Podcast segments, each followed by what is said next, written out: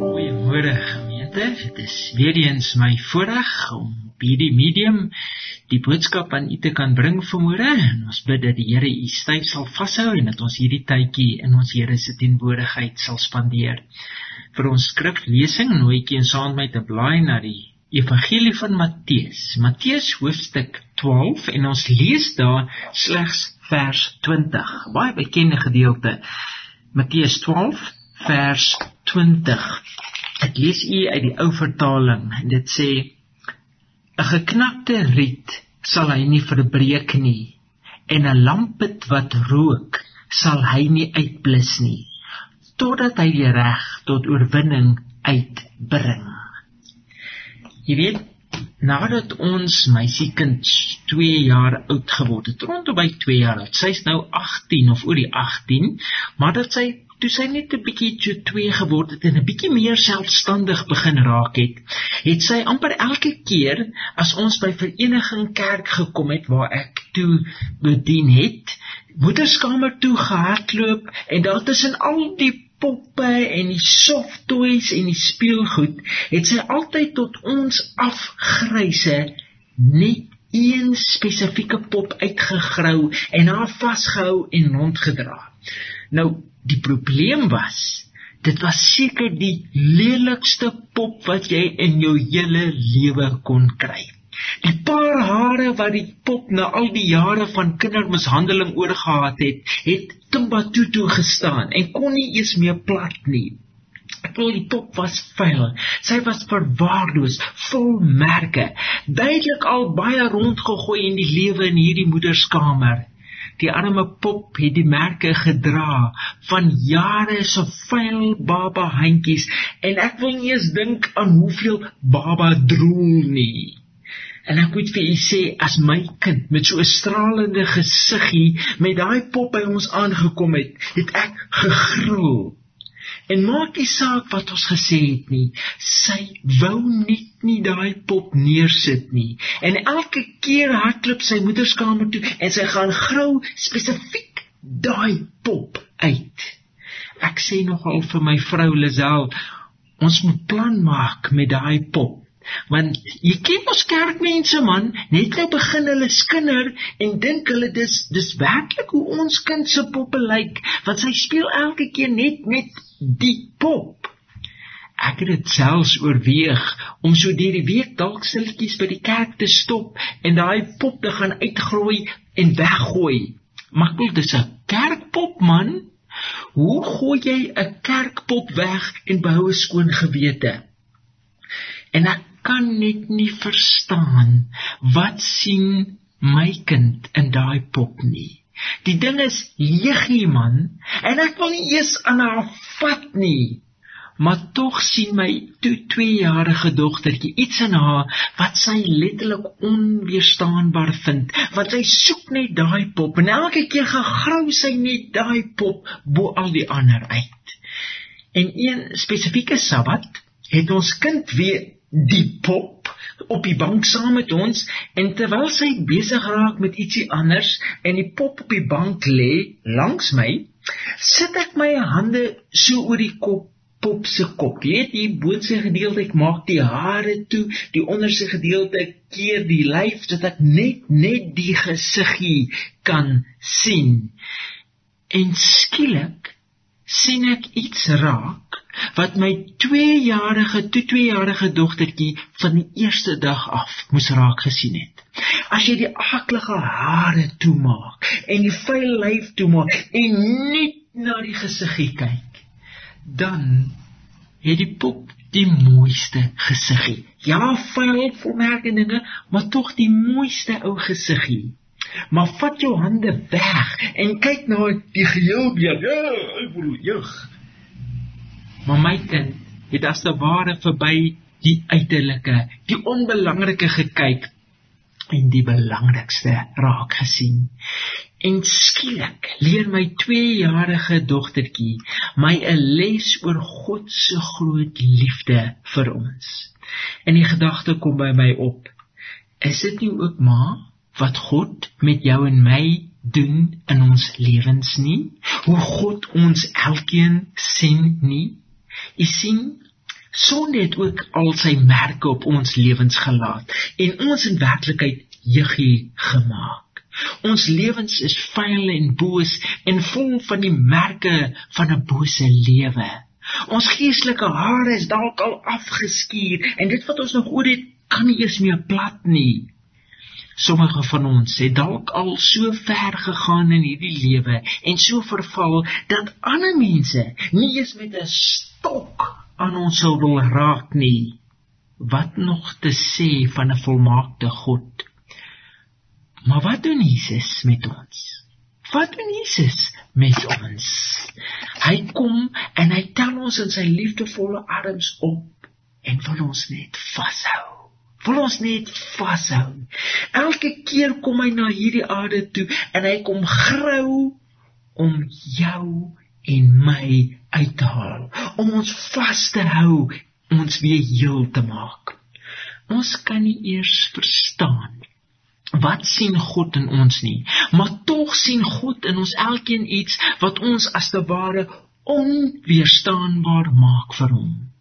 Hy kom na ons toe met liefde wat wat verby die uiterlike kyk, verby die sonde kyk, verby die vuil, die lelik, die letsels kyk en ons soos geknakte riete net weer wil optel en vashou in sy liefde. Jy weet, as ek my Bybel lees, is dit juis die tipe God wat ons aanbid. Een wat uitreik na die werklik behoeftiges. Hulle wat seer het, hulle wat ons eerder sal verkies om te vermy, is juis die mense wat die wat die Bybel aan ons openbaar, waarna toe Jesus gegaan het. Hulle wat smag na bevryding en verlossing. Hulle wat as te ware hulle self nie eers kan help nie. Die Bybel vertel ons die een verhaal op die ander waar God na mense toe gekom het wat seer het, wat vasgevang is, hopeloos, desperaat, bang, krepeel en in die sonde verstrengel is. En as jy daaroor nadink, hoekom is die Bybel so vol voorbeelde van juis sulke gevalle, van sulke mense. Jy moet daaraan gedink. Waarom lê die evangelies soveel klem op Jesus se wonderwerke? Hoekom vertel dit vir ons in soveel detail van hoe siekes, blindes, verlamdes en selfs malaatses aangeraak en hulle genees het? Is dit sodat ons kan terugkyk en met verwondering oor alles wat Jesus gedoen het? is dit sodat ons kan terugkyk en sê, "Sjoe, weet, dit sou dan wonderlik gewees het om in daai tyd te kon leef en en Jesus persoonlik self te kon ervaar het. Ek wou self na Jesus toe gegaan het met my kind om na hom toe geneem het dat hy hulle kon aanraak en kon genees het." Uh, dink u dit is die rede? Nee. Die doel van hierdie verhale is nie om ons te vertel wat Jesus alles in die verlede gedoen het nie. Maar die groot doel is om ons te vertel wat Jesus doen. Dit wat hy in die evangelies gedoen het, is wat hy ook vandag nog vir jou en vir my wil doen. Tog so maklik lees ons van al Jesus se wonderwerke en ons hou dit daar ver in die verlede asof dit is wat Jesus in die verlede gedoen het maar nie meer vandag in ons lewens kan doen nie. Maar tog is dit dieselfde Jesus. En die doel van die Bybel is nie dat ons moet terugkyk in verwondering nie maar meer dat ons moet vorentoe kyk in geloof van dieselfde God wat toegespreek het spreek nog vandag. Dit wat Jesus toe vir sondaars gedoen het doen hy vandag. Dit hoe hy toe sonders opgerig en vergewe het. Is hy nog steeds met soveel liefde bereid om vir jou en vir my te doen. Hy wat toe persoonlik na desperate en moedelose mense gegaan het, kom nog steeds of wil nog steeds na ons toe kom wanneer ons op moed verlore se vlakte sit. Hy is nog steeds daar wanneer ons seer het. Ons skriflesing Matteus 12 vers 20 openbaar juis 'n deel van Jesus wat ons baie keer mis. As dit sê 'n geknakte riet sal hy nie verbreek nie en 'n lampet wat rook sal hy nie uitblus nie totdat hy die reg tot oorwinning uitbring. Nou hierdie teksvers is in werklikheid 'n direkte aanhaling van Jesaja 42 vers 3 wat die Messias of Jesus openbaar as iemand wat in werklikheid omgee vir selfs die laagstes onder die samelewing. Selfs vir hulle wat ons irriteer en ten alle koste wil vermy. Sê vir my, het u al so 'n geknakte riet gevoel of so 'n lampet wat se vlam dood gegaan het en rook. Wat kan in werklikheid erger of meer nutteloos wees as 'n geknakte riet en 'n rokende lampet?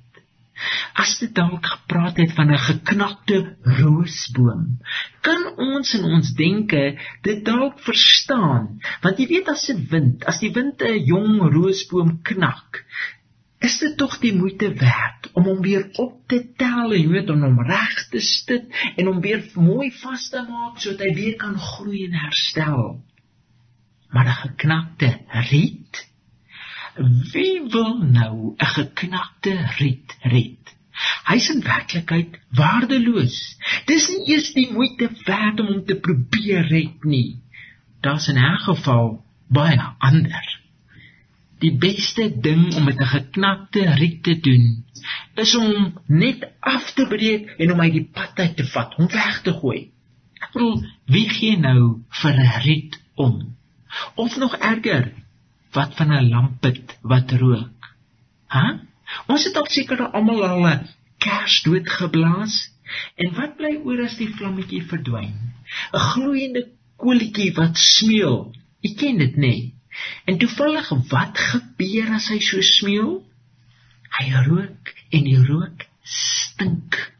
Dit is hoekom die meeste mense nie sal skroom om hulle vingers nat te lek en die kers wat so smeul tussen die punte van hulle vingers net dood te druk nie. Ek wil dit nie is seer nie, maar dit los definitief die probleem van 'n stinkende, rokende kerspit op. Inteendeel, Dis vir ons die beste ding om te doen met 'n smeelende kers.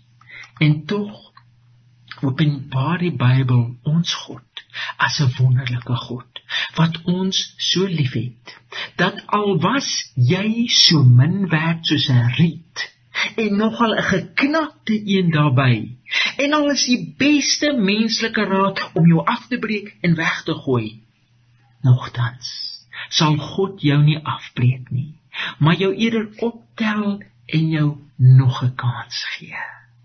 En al was jou lewe so onbenullig soos 'n rokende lampet wat absoluut geen doel nie en nog erger, 'n ongerief is vir almal om jou en die beste ding sal wees om jou tussen die vingers dood te druk. Nogtans sal Jesus jou nie dooddruk nie, maar jou eerder optel en jou met liefde probeer herstel, jou weer 'n kans te gee om te brand en waarde en betekenis te kan hê. Die groot probleem met ons as Christene wat in die kerk sit, is dat ons onsself selde sien as geknakte riete of rokende lampette.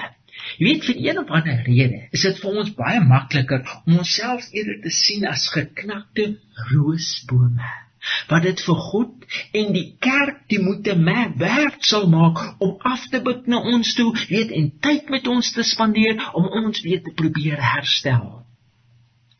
Maar hulle daar buite, weet aan die nagklips, hulle wat op die hoeke van die strate staan, hulle wat gom snyp en buite egterlik lewe, Hulle wat op wie ons so maklik neerkyk en ten alle koste probeer vermy. So maklik sien ons hulle as die geknakte riete wat afgebreek en weggegooi moet word, as rokende lampitte wat doodgedruk moet word. Weet ons wil so maklik God se genade vir onsself opeis, maar vir hulle beperk omdat hulle dit skynbaar nie werd is nie. asof ons dit enigstens werd is. Maar tog as ons eerlik met onsself moet wees, is ons almal maar soos gebreekte lamp agriete, soos rokende lampitte. Ons het almal as gevolg van sonde presies dieselfde behoefte aan 'n genadige verlosser wat afpik en ons uit ons omstandighede kom soek en ons weer optel en ons weer 'n tweede kans kan kom gee. Sê vir my, kan u nog die heel eerste gebedjie onthou wat u dalk as 'n klein kindjie geleer het, het sy by die ouers of dalk by die kerk? ek, ek kan nog myne onthou. En vandag het dit egter vir my baie meer waarde en betekenis as as toe ek klein was. Dit was 'n baie eenvoudige maar tog kragtige gebedjie wat my ouers my geleer het en ek elke aand voor ek moes gaan slaap moes opsê. Nou dit het basies soos volg gelê. Ek dink ons almal sin was basies dieselfde. Nou dit het basies gesê: Liewe Jesus, ek is klein. Maak my hartjie rein sodat niemand daarin mag woon nie. Net liewe Jesus alleen. Amen. Klink dit dalk vir sommige van julle bekend? Nou die interessante deel is toe ek net 'n paar jaar ouer word weet bietjie groter word as kind en op my eie kon bid het ek baie gou die woorde liewe Jesus ek is klein verander want ek wie wil nou klein wees Ek is nou mos groot en om een of ander rede wou ek nie meer as klein geken word nie. Dit het vir my 'n gebed geword wat slegs klein kinders bid. En as ons vandag weet na ons eie geestelike lewens kyk, trap ons ook maar so maklik in dieselfde gat nie. Jy weet die duiwel kan ons so maklik verstrik om te dink dat ons wat elke week in die kerk sit die Sabbat hou ons Bybels lees en ons geestelik op dat ons geestelik op 'n hoër trappie is. Weet dat ons dalk 'n bietjie groter, 'n bietjie beter as die sogenaamde sonders daar buite die kerk is. Of selfs beter is as die Christene wat saam met ons in die kerk sit en nie hulle Bybels bestudeer soos ons nie. Ons kan maklik weet verlei word om te dink dat ons wat al jare in die kerk is, is al so geestelik volwasse dat ons nie meer melk nodig het nie. Nee, gee vir ons die geestelike styks en los die melk vir die babas. My weetie, nou dat ek al hoe ouer word, begin ek al hoe meer besef dat ek in werklikheid baie baie klein en swak is. Inteendeel, hoe groter ek raak, hoe meer ek weet, hoe meer ek my Bybel lees en verstaan, hoe groter word my sondes, wat my in werklikheid net nog kleiner voor God maak. Ek is maar in werklikheid 'n geknakte riet in God se hande wat hy met liefde regop hou. Ek is maar 'n ouer lampet wat rook, wat Jesus liefdevol vertroetel en genadiglik aan die gang hou. O liewe Jesus, ek is klein. Maak U asseblief my hartjie rein, sodat niemand daarin mag woon nie, net Jesus alleen.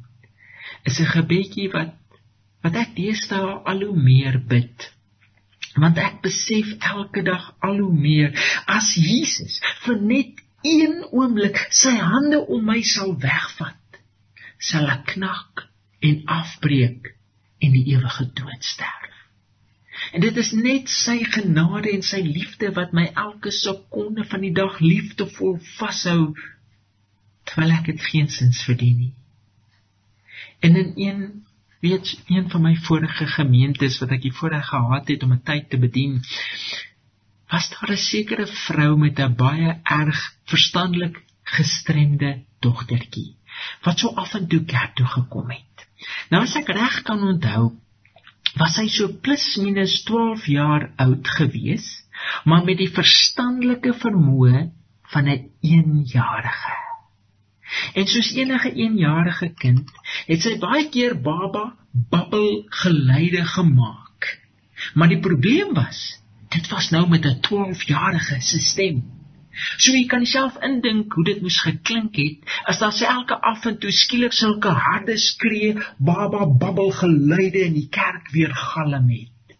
En dit was 'n duidelike irritasie vir die hele gemeente.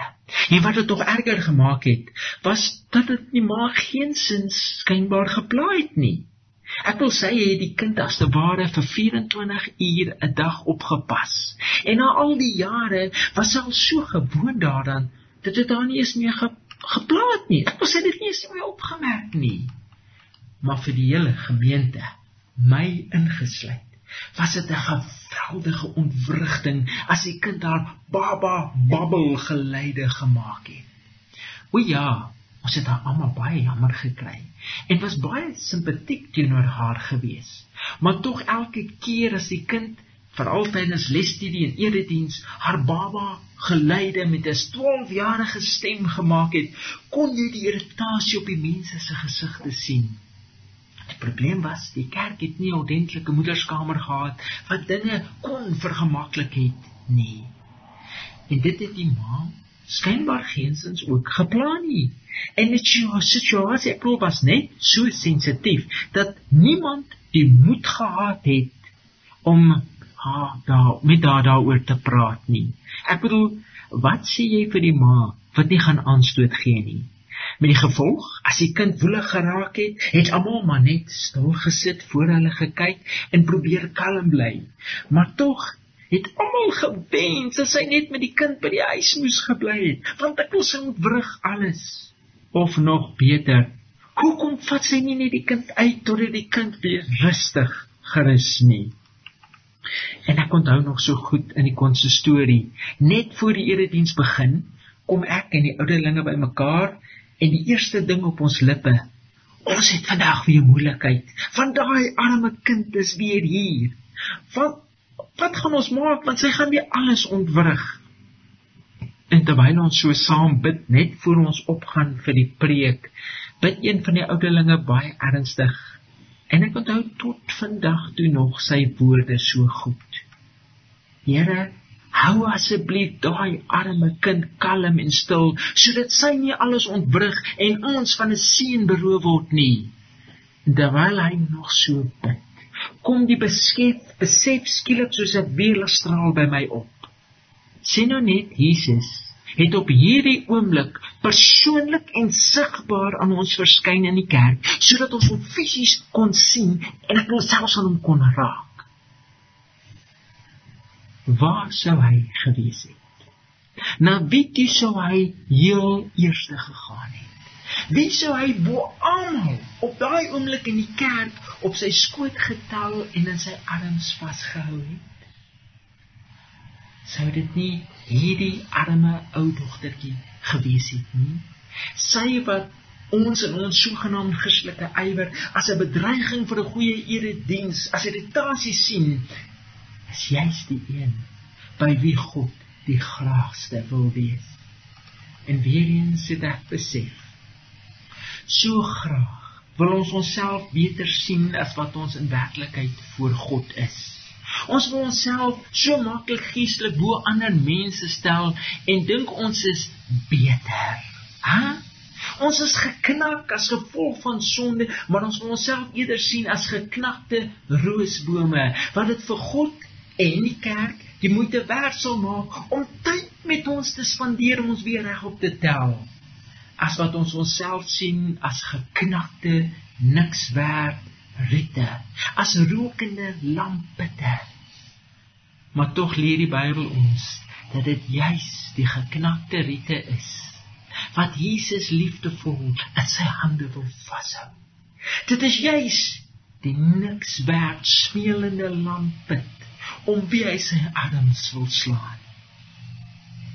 En elke keer as ek dit besef, as ek voor die kruis van Golgotha staan en sy hande voel wat my geknakte lewe weer optel en met liefde bind wil ek laag buig en bid o liewe Jesus Ek is klein. Ek is Ek is vuil. Ek is lelik. Ek is boos. Maak asseblief hierdie hartjie rein sodat niemand daarin mag woon nie. Behalwe net liewe Jesus alleen. Amen. Amen. Vas staan in genade, seëninge.